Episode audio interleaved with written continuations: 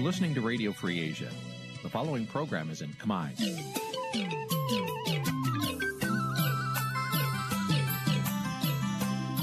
នេះជាកម្មវិធីផ្សាយវិទ្យុអាស៊ីសេរីនេះជាកម្មវិធីផ្សាយរបស់វិទ្យុអាស៊ីសេរីជាភាសាខ្មែរវិទ្យុអាស៊ីសេរីសូមស្វាគមន៍លោកអ្នកនាងទាំងអស់ពីរដ្ឋធានី Washington នៃសហរដ្ឋអាមេរិក។ បាទខ្ញុំបាទជួនចាត់បុតសូមជម្រាបសួរលោកនៅនាងកញ្ញានិងប្រិយមិត្តទាំងអស់ជាទីមេត្រីយើងខ្ញុំសូមជូនកម្មវិធីផ្សាយសម្រាប់រាត្រីថ្ងៃអង្គារ13រោចខែមិញឆ្នាំឆ្លូវត្រីស័កពុទ្ធសករាជ2565ត្រូវនៅថ្ងៃទី1ខែមិនិនាគ្រិស្តសករាជ2022បាទជាដំបូងនេះសូមអញ្ជើញលោកនៅនាងស្ដាប់ព័ត៌មានប្រចាំថ្ងៃដែលមានមេតិការដូចតទៅ thank you ចៅក្រមសាលាដំបងរាជធានីភ្នំពេញសួរដេញដោលកញ្ញាសេងធីរី ពីការបង្ហោះសារលេខ9ដោយចោទថាធ្វើបដិវត្តពណ៌ផ្ដួលរំលំរដ្ឋាភិបាលស្លាកគណៈបកភ្លើងទៀននៅតែត្រូវបានគេបំផ្លាញនៅតាមខេត្តខណ្ឌនានាយុវជនជាង50នាក់ដាក់ញត្តិទៅសាលាខណ្ឌចំនួន3ស្នើឲ្យអាជ្ញាធរសម្អាតសម្រាមតែប្រឡាយទឹក ពីទីវិទ្យាអ្នកស្ដាប់វិទ្យុអាស៊ីសេរីនារាត្រីនេះនឹងមានកិច្ចពិភាក្សាថាតើតុលាការនៃប្រទេសបារាំងនឹងធ្វើយ៉ាងណាដើម្បីអាចចាប់ខ្លួនលោកហ៊ីងប៊ុនហៀងនិងលោកហ៊ុយពិសិដ្ឋបញ្ជូនទៅតុលាការនៅប្រទេសបារាំងបានដើមបណ្ដឹងគឺលោកសំរងស៊ីនឹងចូលរួមធ្វើជាវាគ្មិនកិត្តិយសព្រមទាំងព័ត៌មានដទៃទៀតបាទជាបន្តទៅទៀតនេះខ្ញុំបាទជួនច័ន្ទបុតស៊ូមជូនព័ត៌មានទាំងនេះពិស្ដា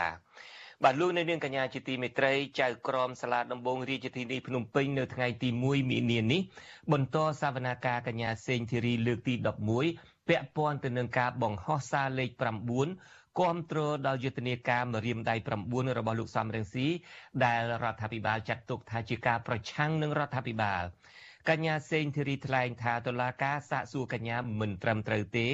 រីឯសង្គមស៊ីវិលវិញ មិនរំពឹងថាប្រព័ន្ធតុលាការអាចផ្ដល់យុត្តិធម៌ដល់គូភាគីក្នុងសំណុំរឿងនយោបាយបានឡើយបាទពីរដ្ឋធានី Washington លោកមួងណារ៉េតមានសេចក្តីរាយការណ៍អំពីរឿងនេះ។ កញ្ញាសេងធីរីពន្យល់ប្រាប់ចៅក្រមនឹងតំណាងអាយកាថាការសរសេរលេខ9នៅលើ Facebook មិនមែនបានន័យថាកញ្ញាចង់ផ្ដួលរំលំរដ្ឋាភិបាលតាមរយៈបដិវត្តពណ៌ដោយទស្សនៈរបស់មន្ត្រីតុលាការដែលលើកយកមកចោទប្រកាន់នោះទេកញ្ញាបញ្ជាក់ថាភាសាផ្ដួលរំលំឬការធ្វើឲ្យរលំនេះគឺចៅក្រមនឹងតំណាងអាយកាបកស្រាយនៅក្នុងន័យផ្សេង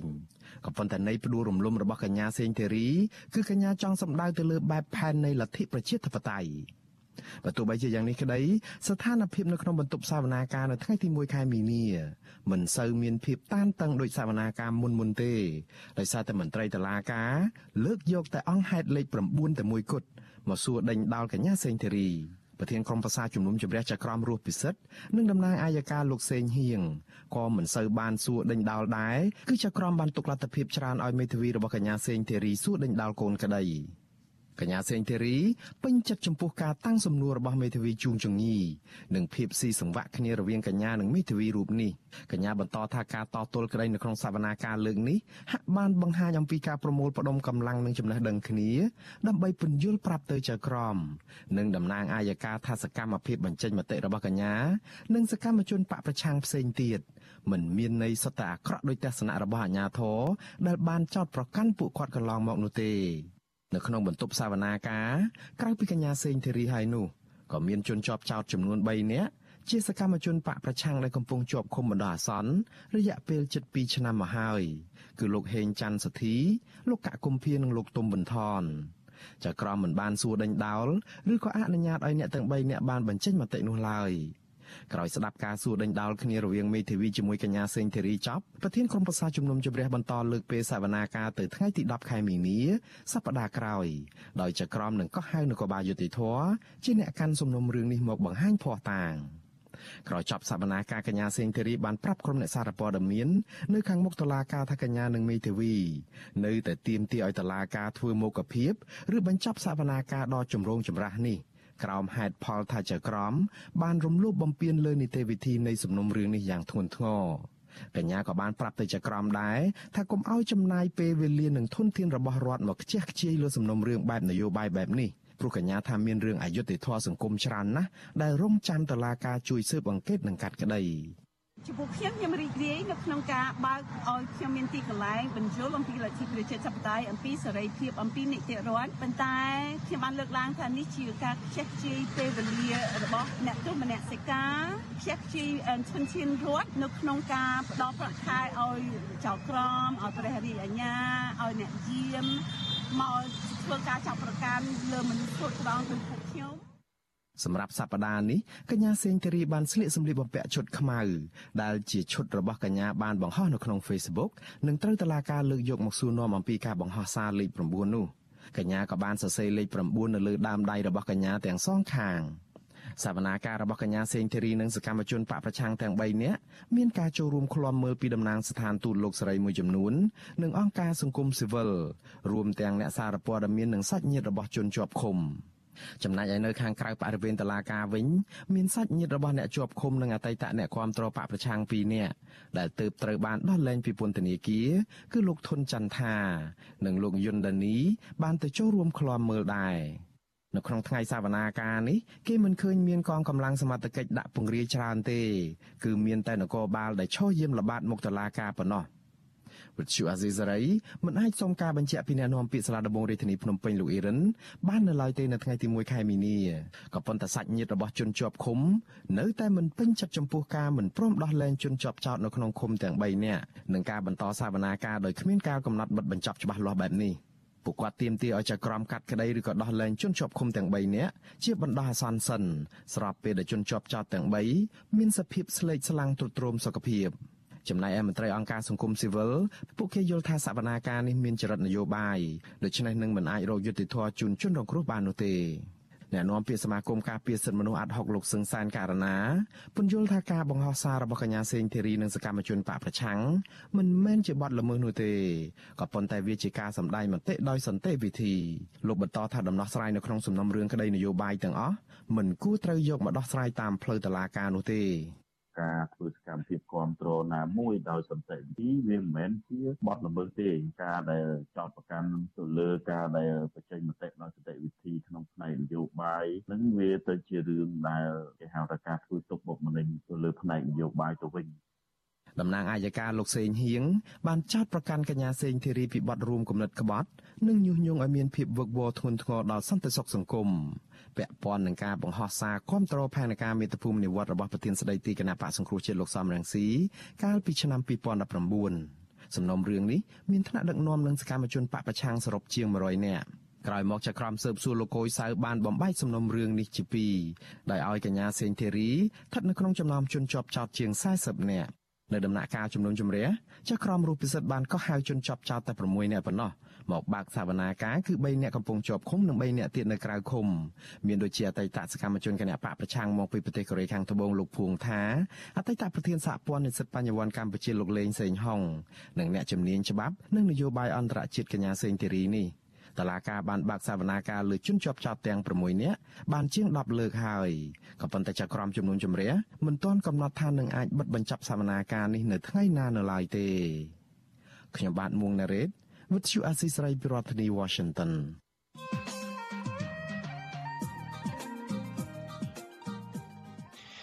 បាទលោកនាងកញ្ញាជាទីមេត្រីនៅមុនខួប25ឆ្នាំនៃការបោកគ្រាប់បែកលើក្រុមបាតកោនៅមុខវិមានរដ្ឋសភាក្រុងភ្នំពេញ កាលពីថ្ងៃទី30ខែមីនាឆ្នាំ1997តុលាការនៃប្រទេសបារាំងបានរកឃើញថាអ្នកនៅពីក្រោយការបោកគ្រាប់បែកសម្រាប់បាតកោនេះ គឺជាមនុស្សចំណិតពីររូបរបស់លោកហ៊ុនសែននោះគឺលោកហ៊ីងប៊ុនហៀងមេអង្គរៈរបស់លោកហ៊ុនសែនជាអ្នករៀបចំចាត់ចែងបញ្ជូនឲ្យទៅបោកគ្រាប់បែក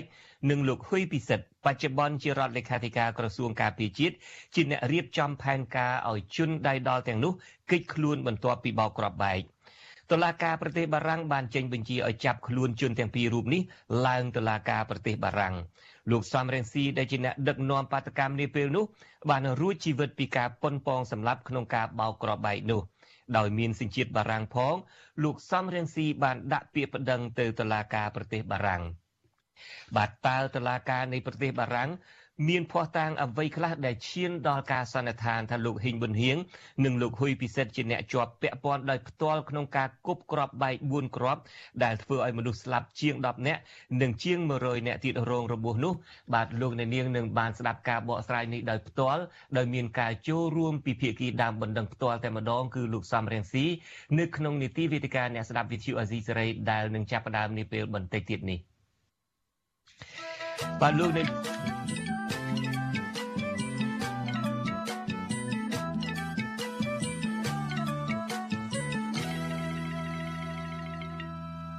បាទលោកនាងកញ្ញាជាទីមេត្រីស្លាកសញ្ញានៃគណៈបកភ្លើងទៀននៅតែត្រូវគេបន្តបំផ្លាញនៅតាមគ្រប់ខេត្តខណ្ឌថ្ងៃនេះនៅខេត្តកំពង់ចាម មានជនមិនស្គាល់មុខលួចកាប់បំផ្លាញស្លាកសញ្ញាគណៈបកភ្លើងទៀនស្របពេលដែលគណៈបកនេះកំពុងមានអ្នកនយោបាយជើងចាស់និងមេធាវីមួយចំនួនចូលរួមធ្វើនយោបាយជាមួយមន្ត្រីជាន់ខ្ពស់គណៈបកនេះ ថាការកាប់បំផ្លាញស្លាកគណៈបកនេះជាសញ្ញាគំរាមកំហែងនិងជំរុញទៅរដ្ឋាភិបាលឲ្យចាត់វិធានការមើងម៉ាត់លើជនប្រព្រឹត្តបាទលោកយុនសាមៀនមានសេចក្តីរាយការណ៍អំពីរឿងនេះជូនលោកអ្នកនាងពីរដ្ឋធានី Washington មន្ត្រីគណៈបកភ្លើងទៀននៅខេត្តកំពង់ចាមបានប្តឹងទៅសមត្ថកិច្ចមូលដ្ឋានឲ្យជួយស្រាវជ្រាវចាប់ជនសង្ស័យមកផ្ដន់ទោសតាមច្បាប់ ទោះបីជាយ៉ាងណាពួកគេមិនសូវមានសង្ឃឹមថាសមត្ថកិច្ចអាចរកជនដៃដល់ឃើញនោះឡើយប្រធានគណៈបកភ្លើងទៀនប្រចាំឃុំអូមលូស្រុកស្ទឹងត្រង់ខេត្តកំពង់ចាមអ្នកស្រីសັດភិរមប្រាប់វិទ្យុអាស៊ីសេរីនៅថ្ងៃទី1ខែមីនាថាជនមិនស្គាល់មុខបានកាប់ស្លាកគណៈបកភ្លើងទៀនដែលស្លាកនោះត្រូវបានក្រុមការងារអ្នកស្រីលើកឡើងកាលពីពេលថ្មីថ្មីនេះអ្នកស្រីថានេះជាលើកទី1និងជាស្លាកទី1ដែលត្រូវជនដៃដល់កាប់បំផ្លាញនៅក្នុងមូលដ្ឋានអ្នកស្រី ចាវាចង់មកមកខ្លាំងមកធ្លាយដល់ដល់ដៃខាងក្នុងហ្មងចុះឡើងឡាថ្ងៃអស់ផ្លាកខាងក្រៅហ្នឹងអឺពីឆ្លើយតបថាគេនឹងសេឈៀវហៅឲ្យអញ្ចឹងមានជំនឿថានឹងរកឃើញដោយមូលហេតុសួរអ្នកនេះក៏មិនដឹងសួរអ្នកនោះក៏មិនដឹងហើយសមត្ថកិច្ចគេថាគេនឹងសេឈៀវហៅឲ្យយើងអញ្ចឹងណា សកម្មជនគណៈបកភ្លើងទៀនរូបនេះដឹងទៀតថាក្រោយកើតហេតុការណ៍អ្នកស្រីបានដាក់ពាក្យប្តឹងទៅអាជ្ញាធរមូលដ្ឋានឃុំនិងប៉ូលីសប៉ុស្តិ៍ប៉ុន្តែអ្នកស្រីមិនសូវមានសង្ឃឹមថាសមត្ថកិច្ចរកឃើញជនប្រព្រឹត្តនោះទេតកតងទៅនឹងបញ្ហានេះវិទ្យុអាស៊ីសេរីមិនអាចសូមការអធិប្បាយពីស្នងការនគរបាលខេត្តកំពង់ចាមលោកអែមកុសលបានទេនៅថ្ងៃទី1ខែមីនា ការកាប់បំផ្លាញស្លាកគណៈបកនេះធ្វើឡើងប្រមាណថ្ងៃក្រោយពេលដែលលោកនាយករដ្ឋមន្ត្រីហ៊ុនសែនបានប្រកាសឲ្យអាជ្ញាធរមូលដ្ឋានអនុញ្ញាតឲ្យគ្រប់គណៈបកដែលបានចុះឈ្មោះប្រកួតប្រជែងការបោះឆ្នោតនៅពេលខាងមុខអាចធ្វើសកម្មភាពនយោបាយដោយសេរី និងគ្មានការរំខានមន្ត្រីសម្របសម្រួលសមាគមអាត6ខេត្តកំពង់ចាមនិងត្បូងឃ្មុំ អ្នកស្រីធីមណារិនសង្កេតឃើញថា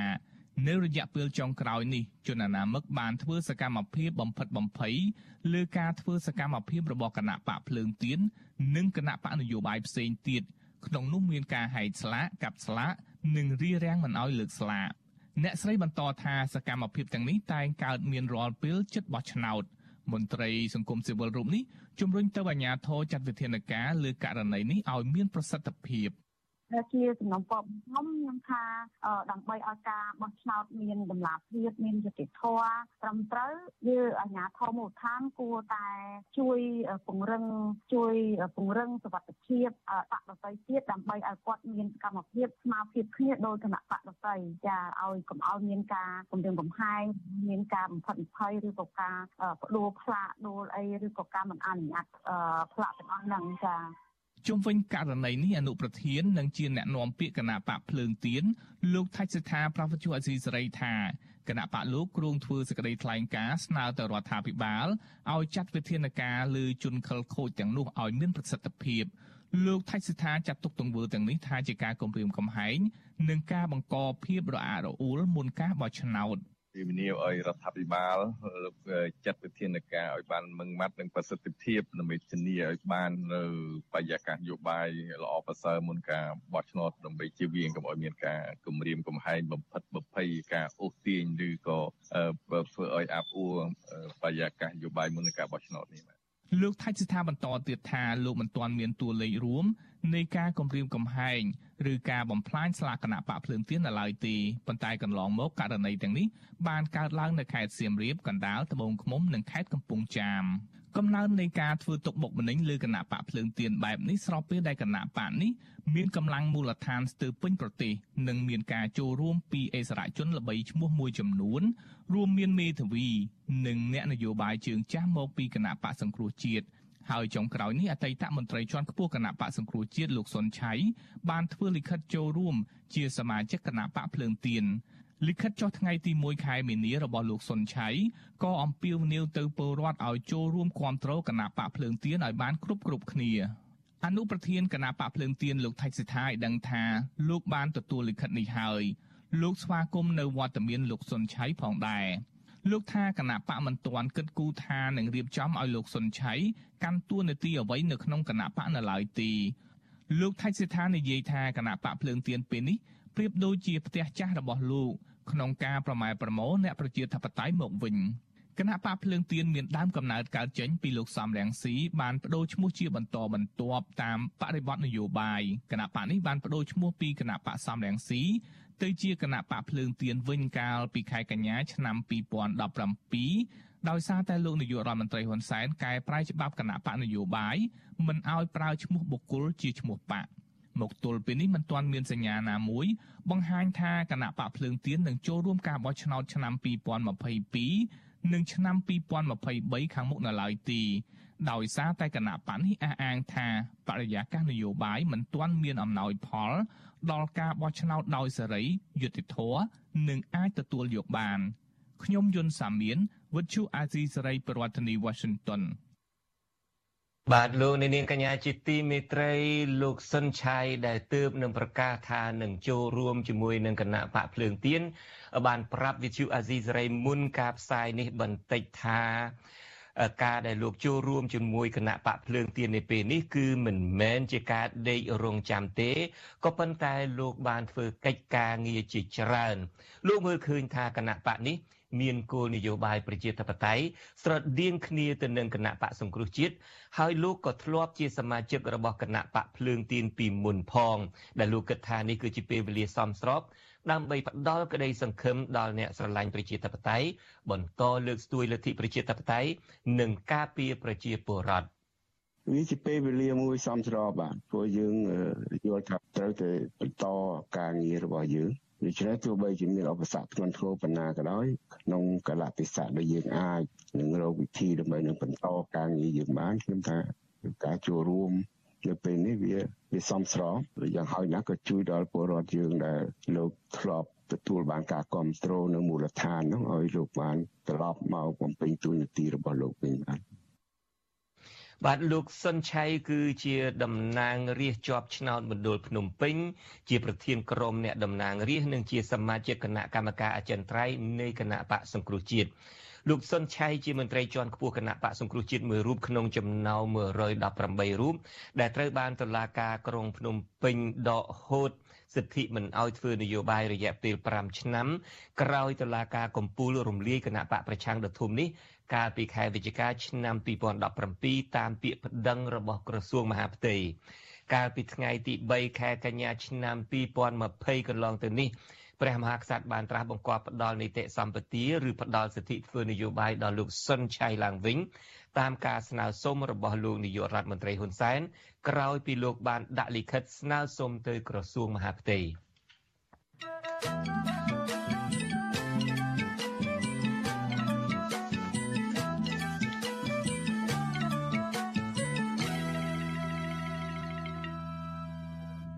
បាទលោកនាងកញ្ញាជាទីមេត្រីលោកនាងក៏អាចស្ដាប់ការផ្សាយ VTV អាស៊ីស្រីដំណើរគ្នានឹងការផ្សាយតាមបណ្ដាញសង្គម Facebook និង YouTube នេះតាមរយៈរលក ធាតុអាកាសខ្លី SW ឬ Shortwave ពេលព្រឹកចាប់ពីម៉ោង5កន្លះដល់ម៉ោង6កន្លះ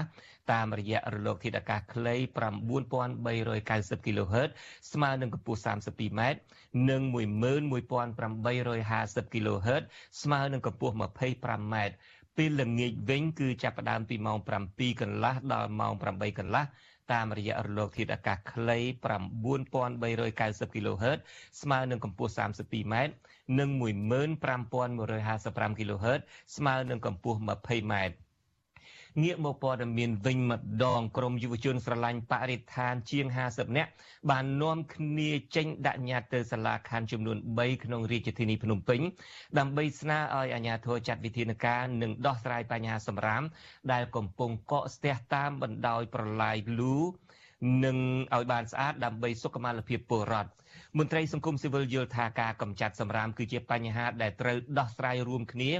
ដែលអាជ្ញាធរគួរតែឆ្លើយតបនឹងសំណើរបស់យុវជនទាំងនោះឲ្យបានឆាប់បាទពីរដ្ឋធានី Washington អ្នកស្រីខែសនងមានសេចក្តីរាយការណ៍អំពីរឿងនេះក្រមយុវជនស្រឡាញ់បរិស្ថានប្រមាណជាង50នាក់បានដាក់ញត្តិទៅសាលាខណ្ឌរសីកែវខណ្ឌមានជ័យនិងខណ្ឌចំការមននៅព្រឹកថ្ងៃទី1ខែមិនិនាដើម្បីស្នើសុំអាជ្ញាធរដោះស្រាយបញ្ហាសម្រាមដែលកំពុងកកស្ទះនៅតាមប្រឡាយ និងលូមួយចំនួនក្នុងរាជធានីភ្នំពេញពួកគេបារម្ភថាកាកសំណល់សម្រាមកខ្វក់ប៉ះពាល់ដល់សោភ័ណភាពទីក្រុង សុខុមាលភាពពលរដ្ឋជាពិសេសមុខមាត់ប្រទេសកម្ពុជាខណៈអាជ្ញាធរមិនបានដោះស្រាយបញ្ហានេះនៅឡើយតំណាងយុវជនស្រឡាញ់បរិស្ថាន ដែលទៅចេញពីពន្ធនាគារនិងជាប់បំរាមរបស់តុលាការគឺកញ្ញាភួនកែវរស្មី ថ្លែងថាមូលហេតុដែលក្រមយុវជនយកញត្តិដែលមានស្នាមមេដៃពីពលរដ្ឋជាង70នាក់ពេលនេះដោយសារពួកគេរកឃើញការកកស្ទះសម្រាមតាមប្រឡាយលូស្ថិតនៅក្នុងខណ្ឌមួយចំនួនក្នុងរាជធានីភ្នំពេញដោយពុំមានអាជ្ញាធរណាយកចិត្តទុកដាក់ដោះស្រាយនោះទេកញ្ញាបញ្ជាក់ថាក្រមយុវជនចង់ឃើញបរិស្ថានទីក្រុងស្រស់ស្អាត គឺមិនមែនប្រឡាយលូកកស្ទះដោយសារសម្រាមកខ្វក់នោះឡើយកញ្ញាភួនកៅរស្មីឲ្យដឹងទៀតថាមន្ត្រីសាលាខណ្ឌរិស័យកែវបានត្រឹមតែទទួលយកញត្តិហើយសន្យាថាយកទៅឆ្លងថ្នាក់លើបន្តទៀតចំណែកមន្ត្រីសាលាខណ្ឌចំការមននិងខណ្ឌមានជ័យវិញពួកគេមិនព្រមទទួលញត្តិនោះទេ ដោយក្រោមហេតុផលថាញត្តិនោះមានកំហុសរដ្ឋបាល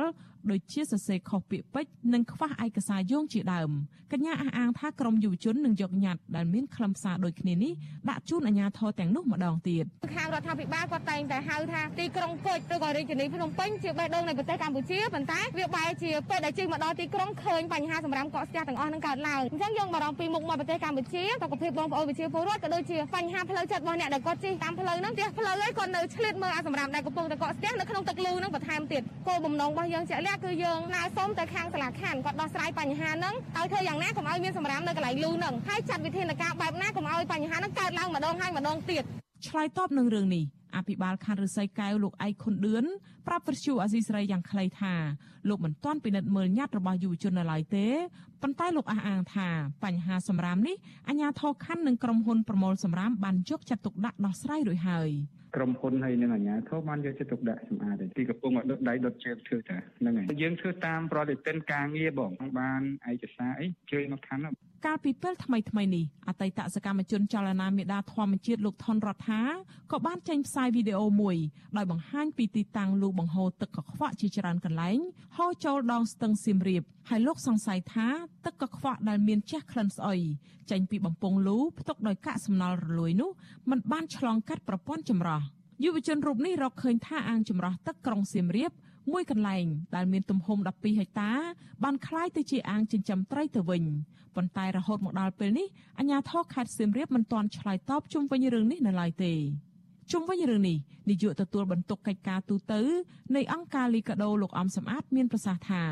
លោកគាំទ្រសកម្មភាពយុវជនដែលចេញដាក់ញត្តិដើម្បីស្វែងរកកិច្ចអន្តរាគមន៍ដោះស្រាយបញ្ហាបរិស្ថានលោកបន្តថាអាជ្ញាធររដ្ឋមានកាតព្វកិច្ចឆ្លើយតបនិងដោះស្រាយសំណើឬសំណុំពររបស់ពួកគេត្រឡប់មកវិញលោកបញ្ជាក់ថាបើសិនករណីនេះកើតឡើងដោយជាការលើកឡើងរបស់យុវជននោះអាជ្ញាធរមិនគួរបណ្តែតបណ្តោយនោះទេព្រោះបញ្ហានេះប៉ះពាល់ដល់បរិស្ថានសុខភាពសាធារណៈ ដែលអាជ្ញាធរត្រូវតែដោះស្រាយរួមជាមួយប្រជាពលរដ្ឋជារដ្ឋអត់សំខាន់គឺជាកត្តាពុទ្ធរបស់អាជ្ញាធរដែលត្រូវមានការឆ្លើយតបនិងដោះស្រាយជូនពលរដ្ឋហើយបញ្ហាបរិស្ថានវាជាបញ្ហារួមទាំងអស់គ្នាអញ្ចឹងទាំងជាពលរដ្ឋជាពិសេសគឺអាជ្ញាធរតែបន្តតែសកម្មការដោះស្រាយនិងការចូលរួមធ្វើម៉េចឲ្យមានបរិស្ថានល្អសម្រាប់ក្រុងក៏ដូចជាការរស់នៅរបស់ប្រជាពលរដ្ឋក្រមយុវជនបន្តថាញត្តិនេះ ពួកគេចង់បានបរិស្ថានស្អាតនិងរួមចំណែកបំពេញចំណុចខ្វះចន្លោះរបស់អាជ្ញាធរក្នុងការបំពេញតួនាទីរបស់ខ្លួន ដោយពុំមានចេតនាញុះញង់និងបង្អាប់កេរ្តិ៍ឈ្មោះរដ្ឋាភិបាលនោះទេទន្ទឹមនឹងនេះក្រមយុវជនបញ្ជាក់ថាប្រសិនបើអាជ្ញាធរមិនដោះស្រាយសំណើនេះទេ ពួកគេនឹងបន្តស្នើសុំទៅអាជ្ញាធរពាក់ព័ន្ធរហូតដល់មានដំណោះស្រាយកន្លងទៅក្រមយុវជនចលនាមេដាធម្មជាតិធ្លាប់បានបង្ហោះវីដេអូទាមទារឲ្យរដ្ឋាភិបាលបញ្ឈប់ការលុបបង្ខំធម្មជាតិ និងការពៀបរិស្ថានបណ្ដាលឲ្យតុលាការចោទប្រកាន់ពួកគេពីបទញុះញង់បទរួមគំនិតក្បត់និងបទប្រមាថព្រះមហាក្សត្រជាដើមប៉ុន្តែក្រោយមានការថ្កោលទោសពីសហគមន៍អន្តរជាតិរដ្ឋាភិបាលបានដោះលែងពួកគេឲ្យនៅក្រៅឃុំបណ្ដោះអាសន្នកាលពីចុងឆ្នាំ2021ក្រោមលក្ខខណ្ឌតឹងរឹងជាច្រើនរបស់តុលាការយ៉ាងណាក៏ដោយចុះ ពួកគាត់នៅតែបន្តធ្វើកិច្ចការបរិស្ថានទៀតពីព្រោះពួកគេយល់ឃើញថាសកម្មភាពទាំងនោះដើម្បីបម្រើផលប្រយោជន៍សាធារណៈនិងមានធានាការពារដោយរដ្ឋធម្មនុញ្ញចា៎នាងខ្ញុំខែសុណងវັດឈូអាស៊ីសេរីរាយការណ៍ពីរដ្ឋធានី Washington បាទលោកអ្នកនាងកញ្ញាជាទីមេត្រីឥឡូវនេះខ្ញុំសាកភ្ជាប់ទូរស័ព្ទទៅយុវជនមួយរូបក្នុងចំណោមយុវជនទាំងឡាយដែលព្យាយាមដាក់ញត្តិស្នើទៅអាជ្ញាធរក្រុងភ្នំពេញនឹងដើម្បីឲ្យចាត់វិធានការក្នុងការរៀបចំស្ដារលូបន្លាយសម្អាតសម្រាមអីដែលលោកអ្នកនាងបានឃើញអំបញ្ញមិញនេះហើយយុវជនយុវនារីនោះគឺកញ្ញាភួងកែវរស្មីជំរាបសួរកញ្ញាបាទ ចាជម្រាបសួរលោកពឹងថ្ងៃនេះអត់មានតែក្មួយម្នាក់ឯងនឹងមានធីថនដែលគាត់ជាយុវជនដែលបានចូលរួមដាក់លិខិតព្រឹកមិញក៏ដូចជាវត្តនីក៏បានចូលរួមជាមួយយើងដែរចាបាទហ្នឹងហើយអរគុណច្រើនហើយនៅក្មេងៗណាស់ហើយនាំគ្នាចេះធ្វើញាតចេះធ្វើអីនឹងផងវាតឹងទ្រូងប៉ុណ្ណាទៅដែលទ្រាំបានលោដល់នាំគ្នាធ្វើញាតអីស្នើទៅសាលាខណ្ឌទាំង3ទាំង4នោះបាទចាអឺ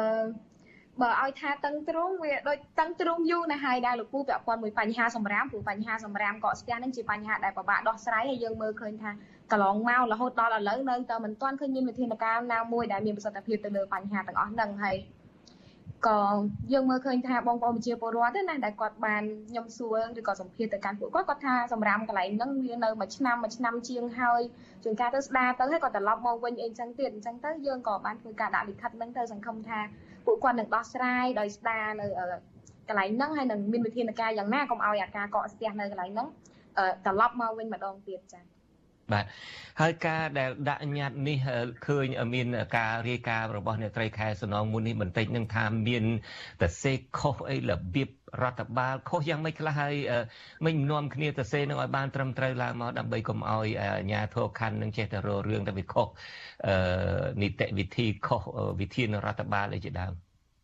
ចាលោកពូជាក់ស្ដែងយើងដាក់ទៅ3ខណ្ឌហើយខណ្ឌទាំងពីរមានខណ្ឌរស័យកែវជាមួយនឹងខណ្ឌមានជ័យគាត់បានទទួលលិខិតរបស់យើងហើយគាត់បានបង្ហាញពីការយកចិត្តទុកដាក់ មកលើការស្នើសុំឬក៏ទុកកង្វល់របស់ពួកយើងដែលគាត់បានទទួលលិខិតហើយគាត់បានឆ្លើយតបមកយើងទៀតដោយឲ្យថាគាត់នឹងបញ្ជូនលិខិតទាំងទាំងដែលយើងបានដាក់ហ្នឹងទាំងពីរខណ្ឌហ្នឹងទៅខាងថ្នាក់លើហើយនឹងឆ្លើយតបមកយើងហើយចាក់ស្ដែងខណ្ឌមានជ័យគាត់បានប្រាប់យើងទៀតថាយើងនឹងតាក់ទងទៅខាងណាដើម្បីឲ្យបានការឆ្លើយតបពីពីពីការដាក់លិខិតរបស់យើងនឹងប៉ុន្តែជាក់ស្ដែងយើងមើលឃើញថាអឺ ខាងខណ្ឌចំការមនហាក់ដូចជាអត់យកចិត្តទុកដាក់ពាក់ព័ន្ធមួយទុកកង្វល់របស់យុវជននិងប្រជាពលរដ្ឋ73នាក់ដែលបានផ្តិតមេដៃនៅលើលិខិតហ្នឹងហើយហាក់ប្រងើយកន្តើយហើយជាយាមចាប់កំហុសក្រុមយុវជនច្រើនជាងគាត់យកចិត្តទុកដាក់ឬក៏ខ្វាយខ្វល់ក្នុងការដោះស្រាយនៅទុកកង្វល់របស់ប្រជាពលរដ្ឋហើយចាប់កំហុសនឹងយ៉ាងម៉េចខ្លះទៅក្មួយចាប់កញ្ញាបាទ ចានៅក្នុងថាអាញាធរខណ្ឌនឹងអឺជំនួសឲ្យការយកចិត្តទុកដាក់ទៅលើការដោះស្រាយបញ្ហាតាមដញ្ញត្តិរបស់ក្រមកញ្ញានឹងបែរជាហាក់ដូចជា ចង់ធ្វើកខាងក្រមយុវជននឹងទៅវិញតើគេគេធ្វើបែបណាទៅចាលោកពូជាក់ស្ដែងយើងមើលទៅពេលដែលគ្រាន់តែយើងដើរចូលដល់ដល់ប្រហែលជា50ម៉ែត្រទៀតដល់សាលាខណ្ឌគាត់បញ្ឈប់យើងហ្មងគាត់ចេញមកទាំង3ទាំង4នាក់គាត់ថាឈប់ឈប់ឈប់ឈប់ឈរនៅកន្លែងនោះហើយ កុំដើរចូលមកទៀតឬក៏អីអញ្ចឹងហើយគាត់ធ្វើការសួរនាំនៅពេលដែលយើងនិយាយថាយើងមកដាក់លិខិតមកអីអញ្ចឹងគាត់ស្រាប់តែមកថាឲ្យពួកយើងនៅចាំនៅនឹងសិនហើយគាត់ចូលទៅក្នុងមួយផ្លែតដល់គាត់ចូលទៅក្នុងអីគាត់ហៅពួកយើងអឺដោយសារយើងឈរហាក្តៅតែមកខ្ញុំថាចង់ទៅឈរខាងមលុបនោះអញ្ចឹងក៏យើងទៅឈរខាងមលុបទៅដល់គាត់ដាក់តុកកដាលមួយពួកគាត់នៅម្ខាងក្រុមយុវជននៅម្ខាងហើយគាត់ថាឥឡូវដាក់លិខិតនឹងនៅលើតុកនឹងហើយគាត់បាញ់អកលបាញ់អីនឹងហើយគាត់យកទៅមើលយកទៅមើលមកសន្ទុះគាត់ថាខ្ញុំអឺ នឹងឯពួកនាងខ្ញុំនិងក្រុមយុវជនហ្នឹងបានសរសេរឈ្មោះលោកអភិបាលខណ្ឌខុសដោយគាត់ឈ្មោះថេងសុថលយើងអាសេថេងសុផលអាហ្នឹងជាកំហុសតែមួយនៅលើលិខិតហ្នឹងប៉ុន្តែវាមិនមែនជាមូលហេតុចម្បងដែលពួកគាត់អត់ទទួលយកលិខិតហ្នឹងទេពួកគាត់បានរុញឲ្យពួកយើងទៅដាក់លិខិតនៅមន្ទីរសាធារណការពួកគាត់ថាអានឹងមិនមែនជាសមត្ថកិច្ចរបស់គាត់ឬក៏ជាទួលនីតិរបស់គាត់ដែលត្រូវទទួលលិខិតហ្នឹងឲ្យមកដោះស្រាយឲ្យយើងទេទាំងដែរយើងមើលឃើញការប្រកាសនៅក្នុងមាត្រាទី13 នៅក្នុងការប្រកាសអន្តរក្រសួងមហាផ្ទៃនិងក្រសួងបរិស្ថានបានចែងយ៉ាងច្បាស់ច្បាស់ថាអាជ្ញាធរដែនដីសំខាន់គឺក្រុមប្រឹក្សាឃុំសង្កាត់ដោយមាននីតិឬមានកិច្ចសហការជាមួយអង្គភាពពាក់ព័ន្ធត្រូវធ្វើការផ្សព្វផ្សាយជូនដំណឹងដល់ប្រជាពលរដ្ឋពីការទុកដាក់និងការចោទសម្រាមសំណល់រឹងតាមវិធីប្រកបដោយសុវត្ថិភាពនិងអនាម័យក្នុងគោលបំណងកាត់បន្ថយ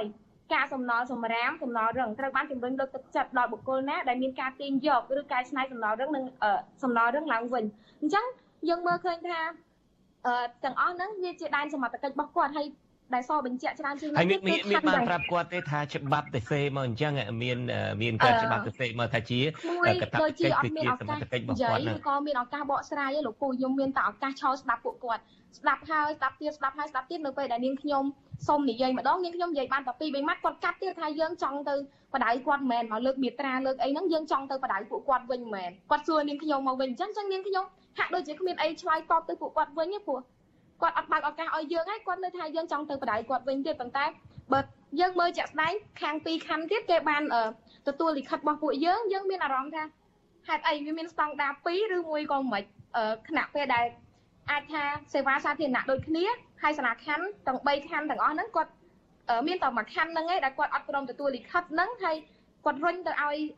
ខាងមន្ទីរសាធារណការប៉ុន្តែពីរខណ្ឌទៀតគេបែរជាបង្ហាញការយកចិត្តទុកដាក់ ហើយនឹងទទួលលិខិតនឹងដោយខ្វាយខ្វល់នឹងចង់មានឆន្ទៈក្នុងការដោះស្រាយទុកកង្វល់របស់ប្រជាពលរដ្ឋអញ្ចឹង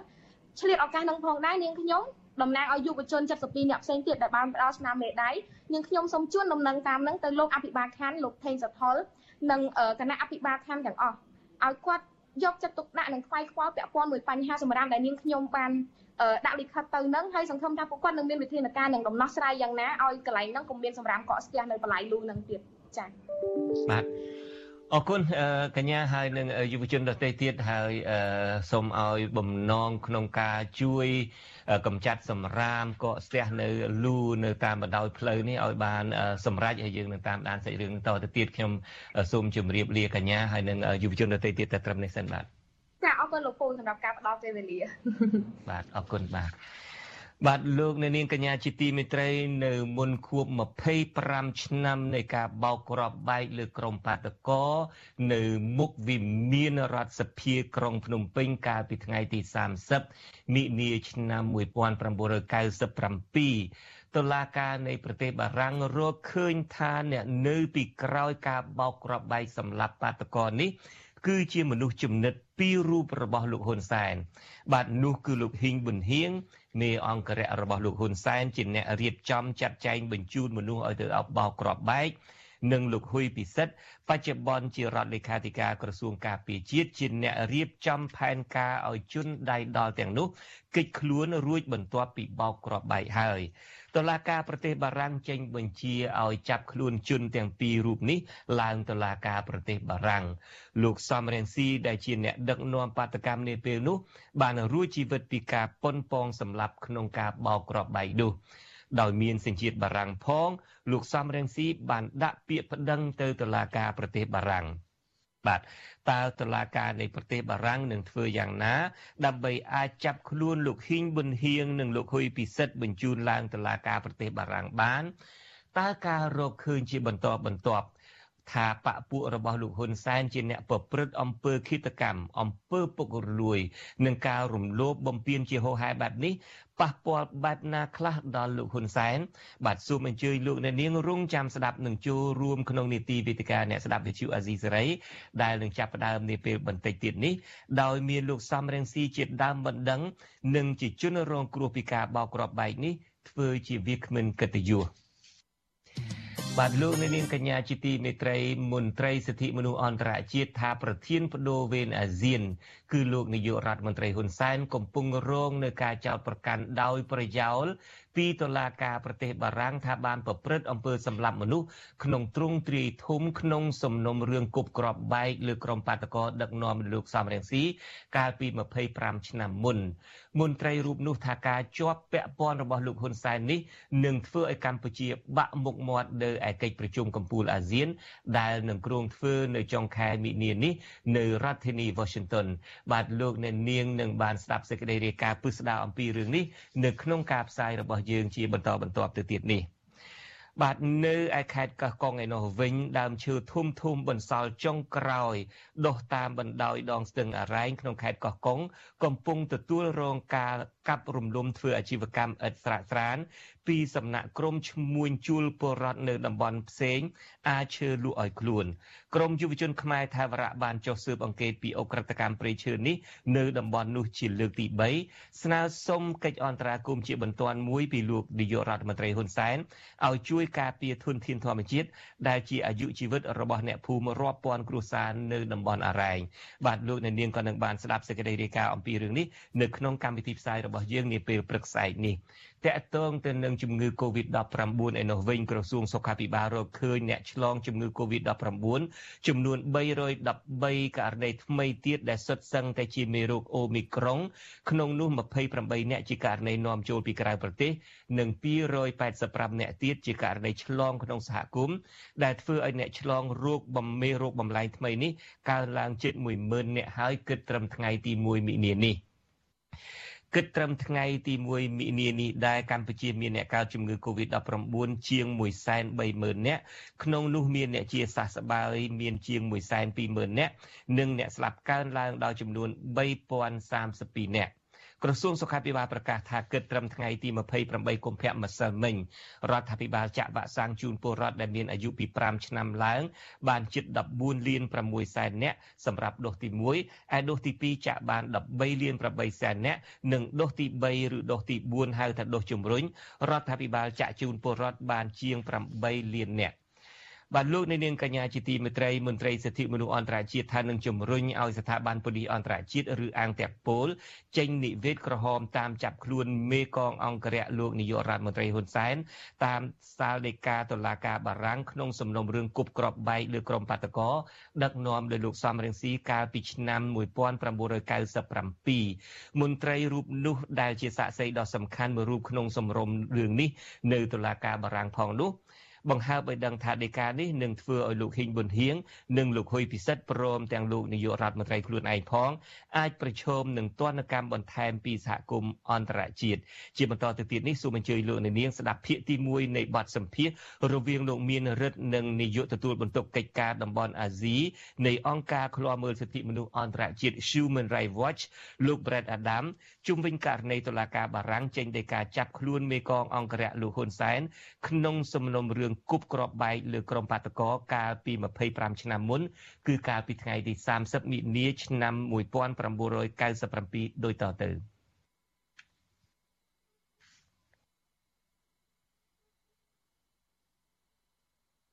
បាទយើងប្រហែលជាមានបញ្ហាបច្ចេកទេស ហើយពេលវេលាក៏ច្រើនណាស់ទៅហើយយើងខ្ញុំនឹងចាក់បទសម្ភាសនេះនៅក្នុងការផ្សាយរបស់យើងនាពេលព្រឹកនេះហើយជាបន្តទៅទៀតនេះខ្ញុំបាទនឹងមាននីតិវេទិកាអ្នកស្ដាប់វិទ្យុអាស៊ីសេរី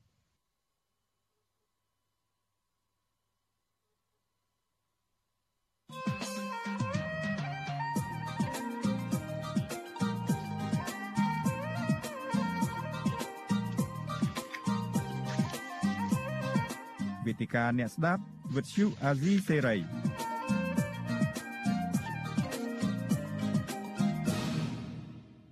បាទលោកនៅនាងកញ្ញាជាទីមេត្រីដូចខ្ញុំបាទបានជម្រាបពីខាងដើមនារីត្រីនេះយើងនឹងមានវាគ្មិនកិត្តិយសមួយរូបដែលជាដើមបណ្ដឹង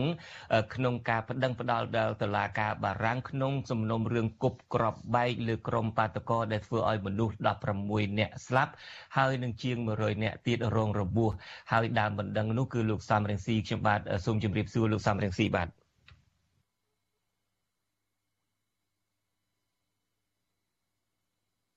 យើងនៅមានបញ្ហាបច្ចេកទេសប្រហែលជាអ្នកបច្ចេកទេសមិនទាន់ភ្ជាប់លោកសំរៀងស៊ីបាន បាទលោកនៅនាងកញ្ញាជាទីមេត្រីកាលពី25ឆ្នាំមុននៅមុខវិមានរដ្ឋសភាគឺកាលពីថ្ងៃទី30ខែមិនិនាឆ្នាំ1997នៅពេលដែលលោកសំរៀងស៊ីបាន ដឹកនាំបាតកោមួយក្រុម ជាពិសេសសិតតែជាកម្មការនីនៃរោងចក្រកាត់ដេរដើម្បីសុំទាមទារដំឡើងប្រាក់ខែនិងសិទ្ធិការងារមួយចំនួនមានការគប់គ្រាប់បែកទៅលើក្រុមបាតកោចំនួន4គ្រាប់ផ្ទួនផ្ទួនគ្នា ដែលធ្វើឲ្យមានមនុស្សស្លាប់16នាក់លោកសំរៀងស៊ីខ្លួនឯងក៏ដែលជាអឺទិសដៅនៃការបាញ់ប្រហារគប់ក្របបែកសម្លាប់នោះ បានរួចជីវិតដោយក្រុមអង្គរៈរបស់លោក បានទ្រាំខ្លួនដើម្បីការពារលោកដើម្បីកុំឲ្យបាត់បង់ជីវិតក៏ប៉ុន្តែជាទីបំផុតនឹង អង្គរៈម្នាក់នោះក៏ត្រូវក្របបែកនោះស្លាប់បាត់បង់ជីវិតទៅហើយបន្ទាប់មកទៀតលោកសំរងស៊ីក៏បានដាក់ពាក្យប្តឹងទៅតុលាការក្រុងនៃសហរដ្ឋអាមេរិកនេះហើយក៏បានដាក់ពាក្យទៅតុលាការនៃប្រទេសបារាំងផងហើយទីបំផុតតុលាការនៃប្រទេសបារាំងទើបនឹងរកឃើញថាអឺមនុស្សចំណិតពីររូបរបស់លោកហ៊ុនសែន គឺលោកហ៊ីងប៊ុនហៀងនិងលោកហ៊ុយពិសិដ្ឋជាអ្នកនៅពីក្រោយការបោកគ្រាប់បែកដែលធ្វើឲ្យមនុស្សស្លាប់រហូតដល់16នាក់និងរបួសរហូតដល់ជាង100នាក់នេះឥឡូវនេះខ្ញុំបាទបានឃើញលោកសំរៀងស៊ីហើយលោកសំរៀងស៊ីបានលឺខ្ញុំទេបាទលឺប៉ិនអត់ឃើញអត់ឃើញរូបបាទមិញខ្ញុំឃើញរូបលោកក៏ប៉ុន្តែយ៉ាងណាក៏ដោយចុះយើងបានឮសំឡេងគ្នាខ្ញុំក៏ឮសំឡេងឃើញរូបលោកហើយឮសំឡេងលោកច្បាស់ណាស់ឃើ ញឥឡូវឃើញគ្នាបាទបាទបាទអឺនឹងឲ្យខ្ញុំអឺបាន ធ្វើសេចក្តីផ្ដើមជូនលោកអ្នកស្ដាប់ហើយថាកាលពី25ឆ្នាំមុន គឺនៅក្នុងខែមិនិនានេះដែរក៏ប៉ុន្តែចុងខែមិនិនាគឺថ្ងៃទី30ខែមិនិនាឆ្នាំ1997នឹងនៅពេលដែលអាដាមសំរងស៊ីដឹកនាំវត្តកម្មមួយនៅវិមានរដ្ឋសភានឹងក៏មានការបោកគ្រាប់បែក4គ្រាប់ផ្ទួនផ្ទួនគ្នាដែលធ្វើឲ្យមនុស្ស16នាក់ស្លាប់ហើយជាង100នាក់រហូតដល់ជាង150នាក់នោះត្រូវរបួសបន្ទាប់ពីនោះលោកក៏បានដាក់ពាក្យប្តឹងជាបន្តបន្ទាប់មុននឹងខ្ញុំបាទសាកសួរអាដាមនៅសំណួរមួយចំនួននឹងខ្ញុំបាទចង់អញ្ជើញអាដាមបកក្រោយបន្តិចបានទេ25ឆ្នាំមុនអឺពលឹមឡើងមុននឹងអាដាមចេញទៅធ្វើបាតកម្មដឹកនាំក្រមបាតកម្មនឹងតើតើអាដាមមានទទួលអារម្មណ៍ថាមានអីប្លែកហើយអាចនឹងមានប្រភ្នូលអ្វីថានឹងអាចមានអ្វីកើតឡើងទេអាដាមថ្ងៃនោះ25ឆ្នាំមុននោះបាទបាទ ថ្ងៃ30មីនា ឆ្នាំ1997គណៈបកជាតិខ្មែរពេលនោះខ្ញុំជាប្រធានគណៈបកជាតិខ្មែរដែលទើបតែបានបង្កើតយើងចាប់ផ្ដើមធ្វើសកម្មភាពជាច្រើន សកម្មភាពដ៏សំខាន់មួយគឺការទៀមទាយុត្តិធម៌យុតិធធជូនជនរងគ្រោះជនស្លូតត្រង់ដែលជាអ្នក ទុនខ្សោយអ្នកក្រីក្រ ដែលតឡាការកាត់ក្តីឲ្យចាញ់ជានិច្ចតឡាការតាំងពីពេលនោះមកឥឡូវក៏អញ្ចឹងដែរគឺគេកាត់ក្តីឲ្យតែអ្នកមានអំណាចអ្នកមានលុយឈ្នះអញ្ចឹងយើងធ្វើបាតកម្មយើងថាសុំទៀមទាឲ្យតឡាការឯករាជ្យកុំពុករលួយហើយកុំអយុត្តិធម៌ពេកហើយខ្ញុំបានសរសេរលិខិត ពីបីថ្ងៃមុនសរសេរលិខិតទៅលោកសខេងនិងលោកយូហុគ្រី ពេលនោះជាសហរដ្ឋមន្ត្រីក្រសួងមហាផ្ទៃសុំច្បាប់ថាពួកយើងចង់ធ្វើបាតកម្មថ្ងៃ30មីនានេះ ពេលព្រឹកចាប់ពីម៉ោង7 8ព្រឹកទៅ នៅមុខមន្ទីររដ្ឋសភាចាស់នៅវត្ត បន្ទុំឥឡូវជាដូចជាអាគារតឡាការកំពូលសប្តាហ៍នេះពេលពេលនោះជារដ្ឋសភារដ្ឋសភាចាស់ហើយលោកសោខេងបានសរសេរលិខិតឆ្លើយតបមកខ្ញុំវិញថាធ្វើចោះយើងធានាសុវត្ថិភាពហើយយើងក៏មានការកក់ក្ដៅខ្ញុំថាហីល្អមែនទែន ពីមុនសុំច្បាប់គេធ្វើបាតកម្មគេមិនអោយធ្វើទេចំទាស់គេហាមឃាត់ថាមិនត្រូវធ្វើបាតកម្មវាប៉ះពាល់សណ្ដាប់ធ្នាប់ប៉ះពាល់ធ្វើឲ្យស្ទះចរាចរណ៍អីគេមិនដែលទេប៉ុន្តែខ្ញុំជាគោលការណ៍ថាចេះតែសុំទៅយើងធ្វើឲ្យស្របច្បាប់ ស្រាប់តែគេគេសរសេរលិខិតមកវិញគេថាធ្វើចោះគេធានាសុវត្ថិភាពឲ្យ អញ្ចឹងដល់ពេលយើងចាប់ផ្ដើមបដកម្មនោះយើងដូចមានការកក់ក្ដៅក្នុងចិត្តថាសบายចិត្តណាថ្ងៃនេះរដ្ឋអំណាចកាលមុនធ្លាប់ធ្វើទុកបុកម្នេញយើងឥឡូវរដ្ឋអំណាចមកការពារយើងដល់យើងដង្ហែក្បួនចាប់ផ្ដើមដង្ហែក្បួនពីស្នាក់ការគណៈបកជាតិខ្មែរពេលនោះគឺនៅក្រោយវាំងមិនឆ្ងាយប្រហែលទេយើងធ្វើដំណើរមកមកតាមផ្លូវស្រាប់តែមកដល់ចិត្តកន្លែងដែលយើងត្រូវជួបជុំគ្នានៅមុខវត្តបន្ទុំនោះ ឃើញមានទាហានទាហានពាក់មួកដែកជុំវិញមួកដែកនោះមានស្រណាញ់ហើយមានកំភ្លើងធំមិនមែនកំភ្លើងធម្មតាកំភ្លើងធំអាបេការ៉ង់អឺស្អីនោះអានឹងបាញ់គ្រាប់បែកខ្លោងអីយ៉ាងម៉េចទេខ្ញុំមិនសូវដឹងទេរឿងទាហានប៉ុន្តែឃើញមានអាវុធគ្រប់ដៃអាវុធធំអាវុធតូចអឺឃើញគេយាមគេយាមរបាត នៅកន្លែងដែលយើងធ្វើបាតកម្មនោះខ្ញុំថាអូប្រហែលគេបញ្ជូនទាហានមកការពារយើងហើយមើលទៅដល់យើងដើរកាន់តែចូលចិត្តកន្លែងដែលយើងត្រូវជួបជុំគ្នាយើងអត់មានបារម្ភអីទាំងអស់អញ្ចឹងហើយគ្រាន់តែសូមជម្រាបថាមុននឹងការបោកគ្រាប់បែកនេះ គឺយើងអត់មានសង្ស័យ ថាគេប៉ុនប៉ងធ្វើបាបយើងរហូតទៅសម្លាប់យើង ធ្វើឲ្យពលរដ្ឋខ្មែរដែលចូលរួមក្នុងបាតកម្មដោយសន្តិវិធីនោះត្រូវបាត់បង់ជីវិតជាច្រើនយ៉ាងតិចណាស់16នាក់ស្លាប់ត្រូវរងរបួសជាច្រើនយ៉ាងតិចណាស់100នាក់ទទួលរបួសធ្ងន់អញ្ចឹងហើយបានជាការភ្ញាក់ផ្អើលផងជាការឈឺចាប់ ហើយធ្វើឲ្យយើងខឹងខឹងអ្នកដែលបានសន្យាថាមើលធានាសន្តិសុវត្ថិភាពឲ្យយើងសន្តិសុខឲ្យយើង ស្រាប់តែបណ្ដោយបើមិនបណ្ដោយទេក៏រៀបចំឲ្យមានសោកនាដកម្មនេះបាទបាទលោកសំរៀងស៊ីខ្លួនឯងគឺជាមុខសញ្ញានៃការសម្លាប់នឹងតែម្ដង ហើយតាមព័ត៌មានដែលយើងដឹងនៅពេលហ្នឹងគឺលោកអាចរស់ជីវិតបានមកទល់ពេលហ្នឹងហ្នឹងគឺដោយសារការធ្វើពលិកម្មយកជីវិតរបស់ខ្លួននឹងទៅការពារ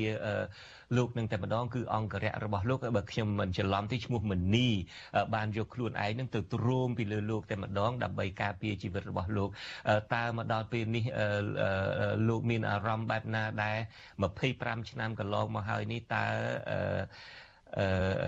ព្រឹត្តិការណ៍នឹងវានៅដិតដតដិតជាប់អារម្មណ៍លោកបែបណាដែរជាពិសេសនៅពេលដែលឃើញ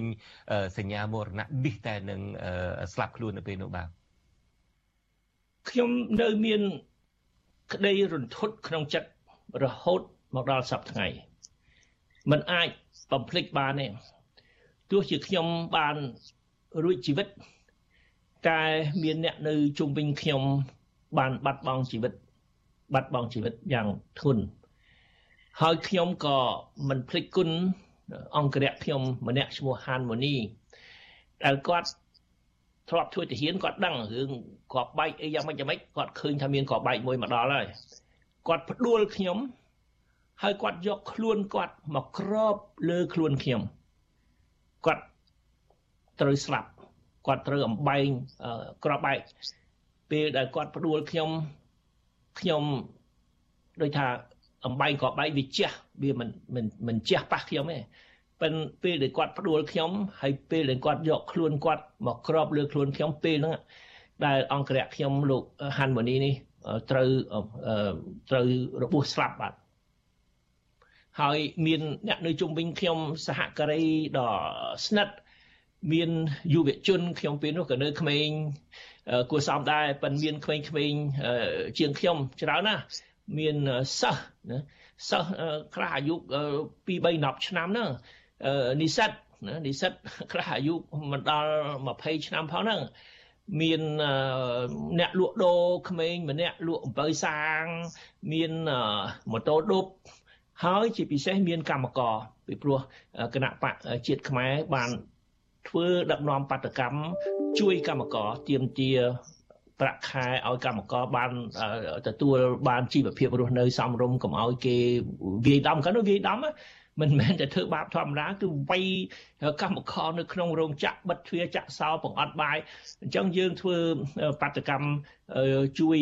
ដល់កម្មករហើយកម្មករ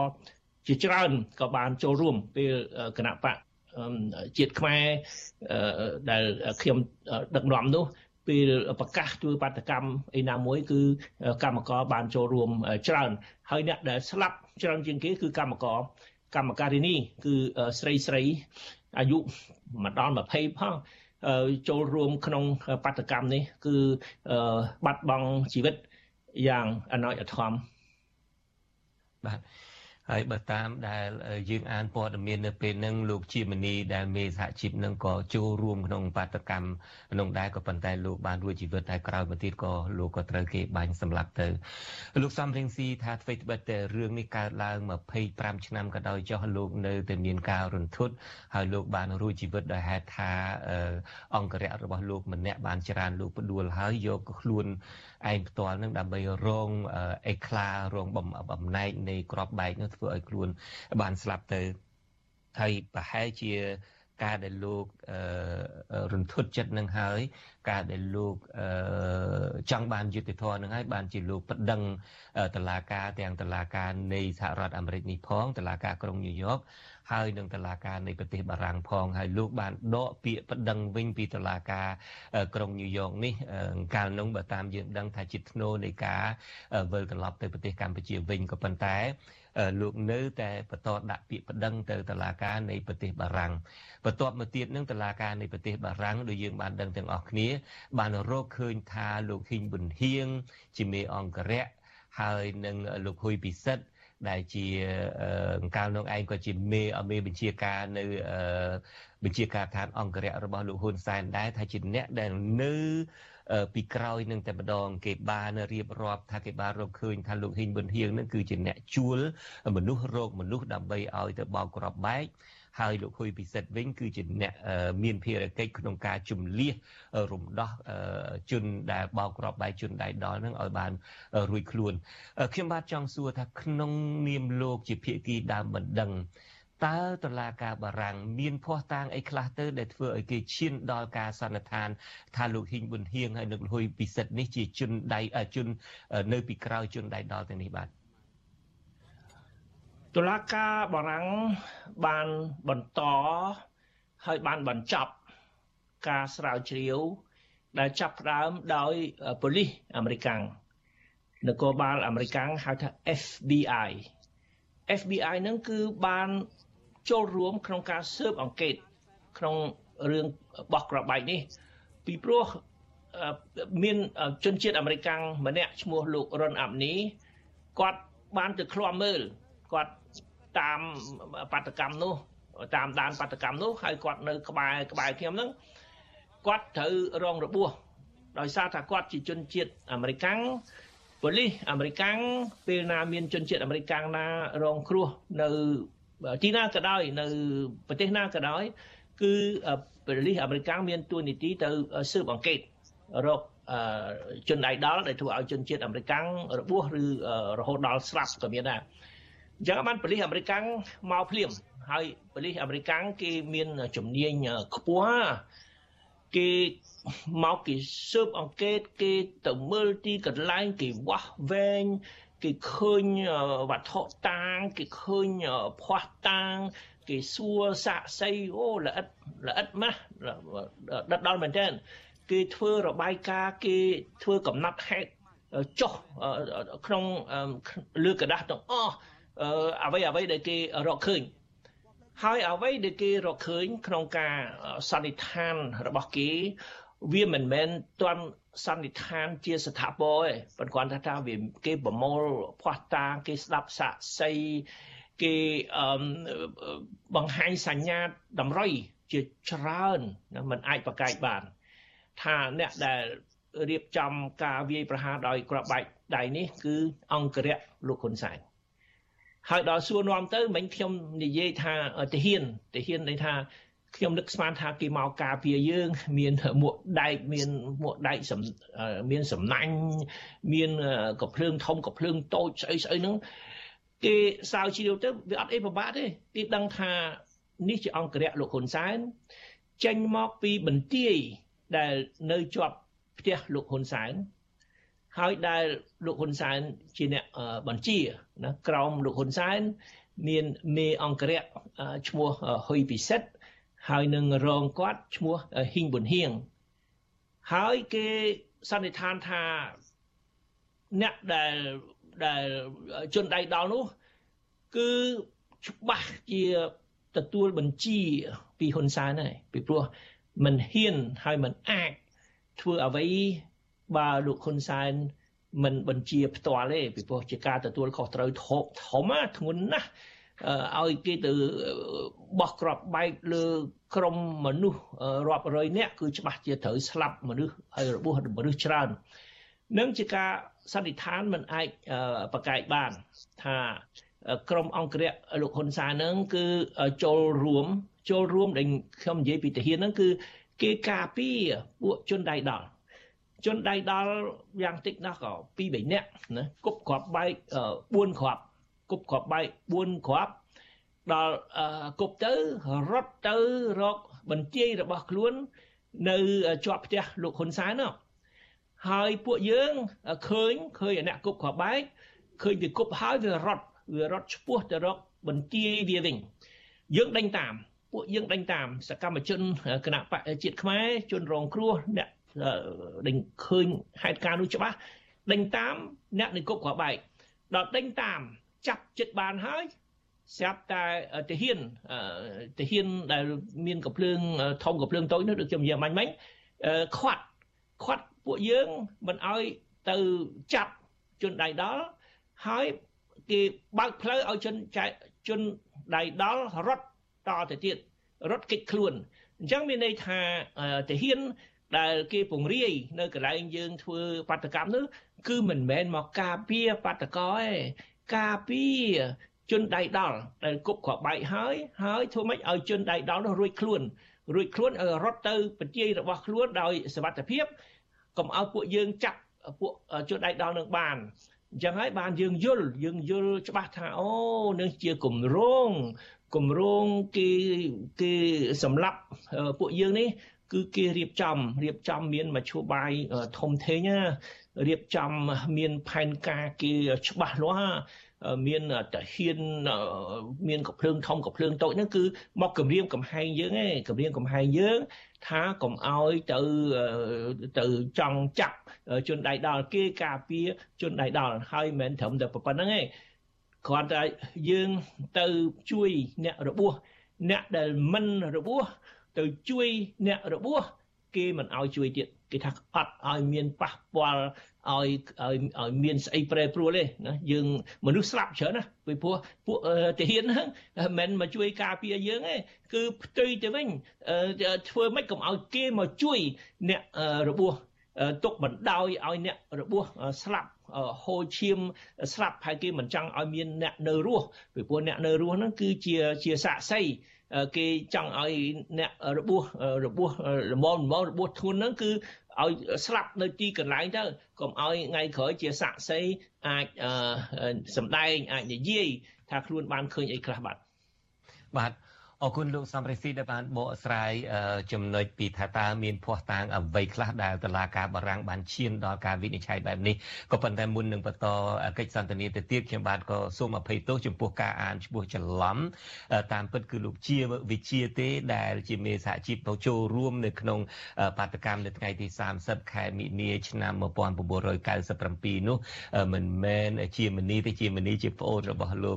ខ្ញុំតែងតែច្រឡំរវាងជាវិជាហើយនិងលោកជាមនីនេះ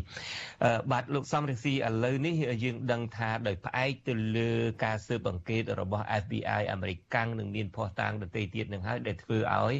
តឡាការនៃប្រទេសបារាំងឈានដល់ការសន្និដ្ឋានថា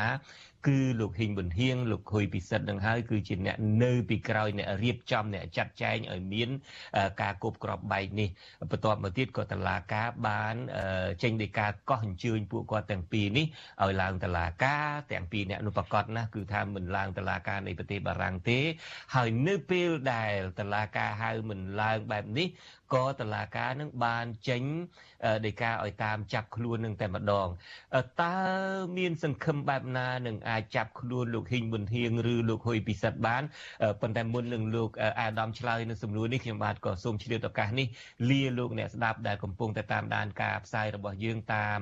វិទ្យុរលកធាតុអាកាសខ្លី SW តែត្រឹមនេះសិនចំពោះលោកអ្នកនាងដែលតាមដានស្ដាប់ការផ្សាយរបស់យើងនៅតាមបណ្ដាញសង្គមមាន YouTube និងមាន Facebook ជាដើមកម្មវិធីរបស់យើងនឹងបន្តទៅទៀតហើយក្រៅពីពីការជជែកគ្នាអំពីរឿងតឡាការបារាំងចេញដោយការចាប់ខ្លួន មនុស្សចំណិតពីរនាក់របស់លោកនាយករដ្ឋមន្ត្រីហ៊ុនសែននេះយើងក៏នឹងជជែកគ្នាអំពីកិច្ចខិតខំប្រឹងប្រែងរបស់អាដាមសំរៀងស៊ីជាមួយនឹងសហគមន៍ប្រជាជាតិអាស៊ីអាគ្នេយ៍ឬមួយគេហៅថា Southeast Asia Community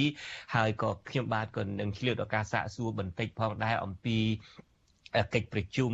កម្ពុជាអាស៊ានអាមេរិកដែលនឹងចាប់ផ្ដើមនៅចុងខែមីនានេះគឺចំពេលនឹង